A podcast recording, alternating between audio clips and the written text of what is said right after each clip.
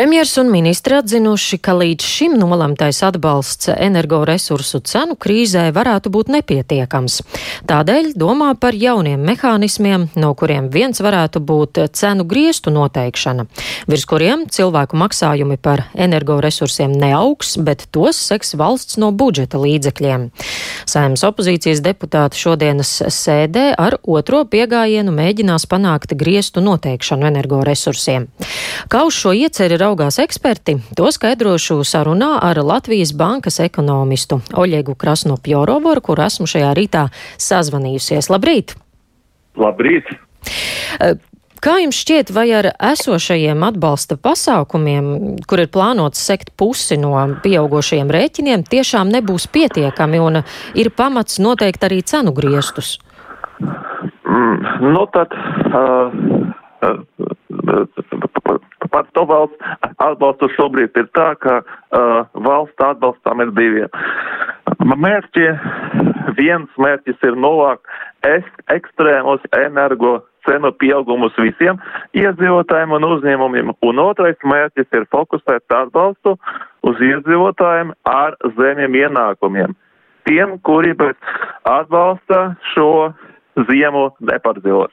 Uh, un šobrīd plānota valsts atbalsta summa nākamajā apkures sezonā 442 miljoni eiro iedzīvotājiem un 200 miljoni eiro iedzīvotājiem. Ja ar to izrādīsies par maz, tad valsts atbalsta apjoms tiks vēl uh, uh, palielināts.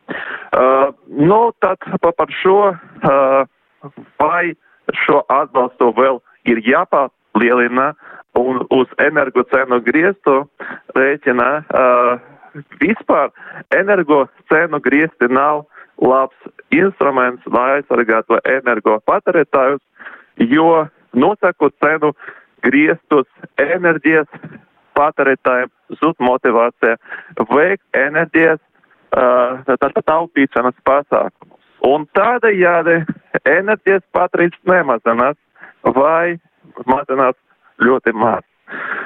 Un ņemot vērā, ka enerģiju lielā mērā mēs importējam, tas nozīmē, ka lielāku naudas summu izmaksājam ārā no valsts energoresursu piegādātājiem.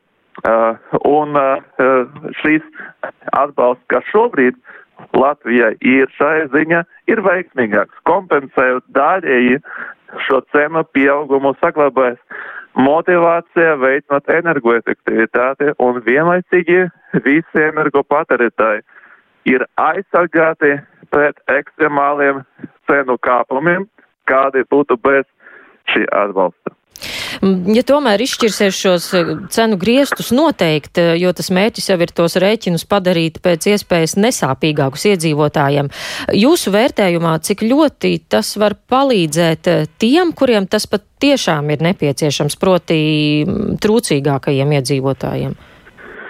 Uh, protams, ka tuvojas ziema, ir ļoti, ļoti svarīgi, neatstāt nevienu bez palīdzības. Uh, ir tīpaši mazturīgos tādas sabiedrības grupas, kā pensionārus, daudzbērnu ģimenes, bezdarbnieku cilvēkus ar zemiem ienākumiem.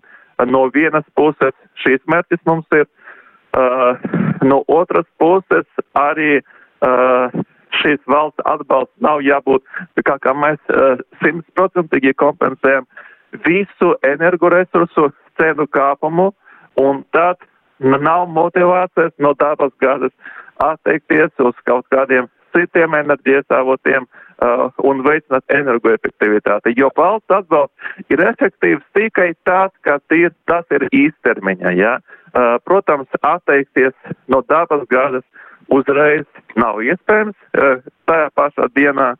Tāpēc īstermiņā ir valsts atbalsts, lai kompensētu šo ekstremālo satricinājumu, bet ilgtermiņā tikai viens ceļš ir jāveicina energoefektivitāte un enerģijas ražošanas jaudu, uh, vēl, lai būtu enerģijas ražošanas jaudas gan uh, mums Latvijā, gan Eiropas Savienībā kopumā. Mm. Ja mēs vēlreiz atgriežamies pie tiem energoresursu cenu griestiem, kā jūs redzat, um, kādi, kādi cipari varētu parādīties tajās diskusijās, um, kurš būs, kura būs tā robeža, pie kuras varētu noteikt uh, kādus cenu griestus? Uh, nu tad, ja mēs atgriežamies pie tiem cenu griestiem, uh, tad, uh, tad cenu griesti virs kura uh, valsts 100% eh, ja kompensē eh, energo cenu kāpumu, ir jābūt ļoti, ļoti augstas. Un cik tas varētu būt? Uh, nu, par, uh, vēl par konkrētiem cipariem uh, šodien vēl skaidrības nav.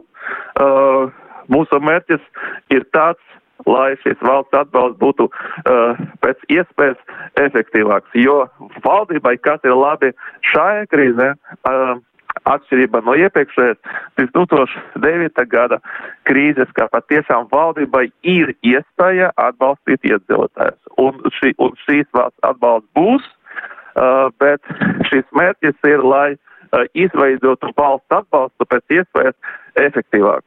Mm.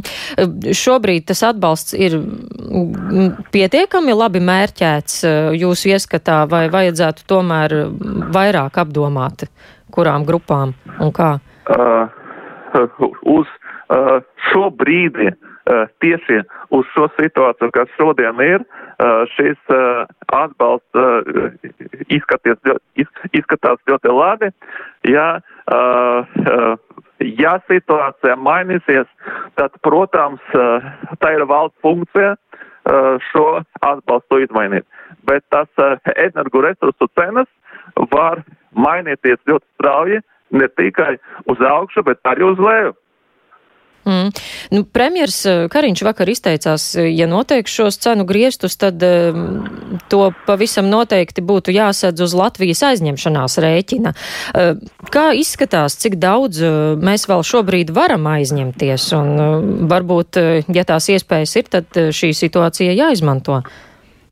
Uh, protams, ka vēl ir iespēja Latvijai aizņemties, jo uh, mums Uh, budžeta deficīts pild, mums budžets, valsts budžets turās ļoti labi, jo ir spēcīga ekonomiska aktivitāte un vēl augsta inflācija. Un līdz ar to valsts tarējas parāds samazinās. Šobrīd 43% no iekšzemesko produkta. Tā kā iespēja aizņemties valdībai ir, bet es uh, mudinātu neizmantot uzreiz visu šo iespēju, ja ir iespēja aizņemties tur līdz 50 vai pat 60% no IKP, uh, neizmantot šo iespēju uzreiz apkures sezonas sākumā, jo nav skaidrs, kā vēl šī situācija izskatās, uh, izskatīsies uh, apkures sezonas beigās vai nākamgad. Jā, tā kā uh, mums visu laiku jādomā par to, ka mēs nedrīkstam uzreiz visas tās aizņemšanas iespējas izmantot. Jā, bet šīs iespējas ir, kā es noprotu. Ir, jā. Jā, nu, paldies, saku jums šoreiz par sarunu. Paldies. Sazvanījos ar Latvijas bankas ekonomistu Oļegu Krasnopjorovu.